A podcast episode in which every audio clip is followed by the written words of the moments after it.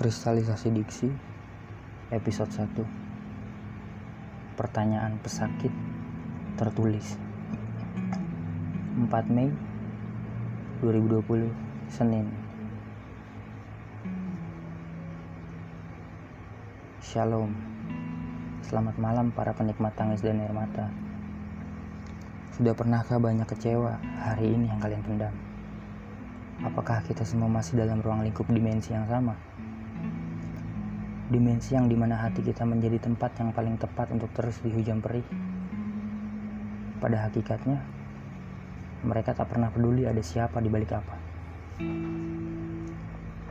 Bukankah manusia tercipta dari berjuta masa waktu dan teori? Namun, adakah satu teori yang berhasil mengajarkanku untuk membuat senyum di bibirmu?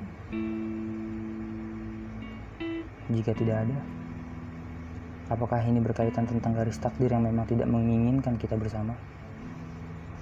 Bukankah Tuhan menciptakan setiap temu karena alasan? Lalu alasan apa lagi yang kau gunakan untuk membuat lubang kekecewaan ini? Aku harus menyalahkan siapa? Tuhan, Rabku, berjuta teori intuitif itu atau menyalahkan takdir yang tercipta untuk perih dan keluh kesah. Aneh. Apakah metamorfosa dari kata perkenalan kita adalah kesakitan? Entah awan akan tetap menjadi awan. Tak dapat kurai bahkan kugenggam.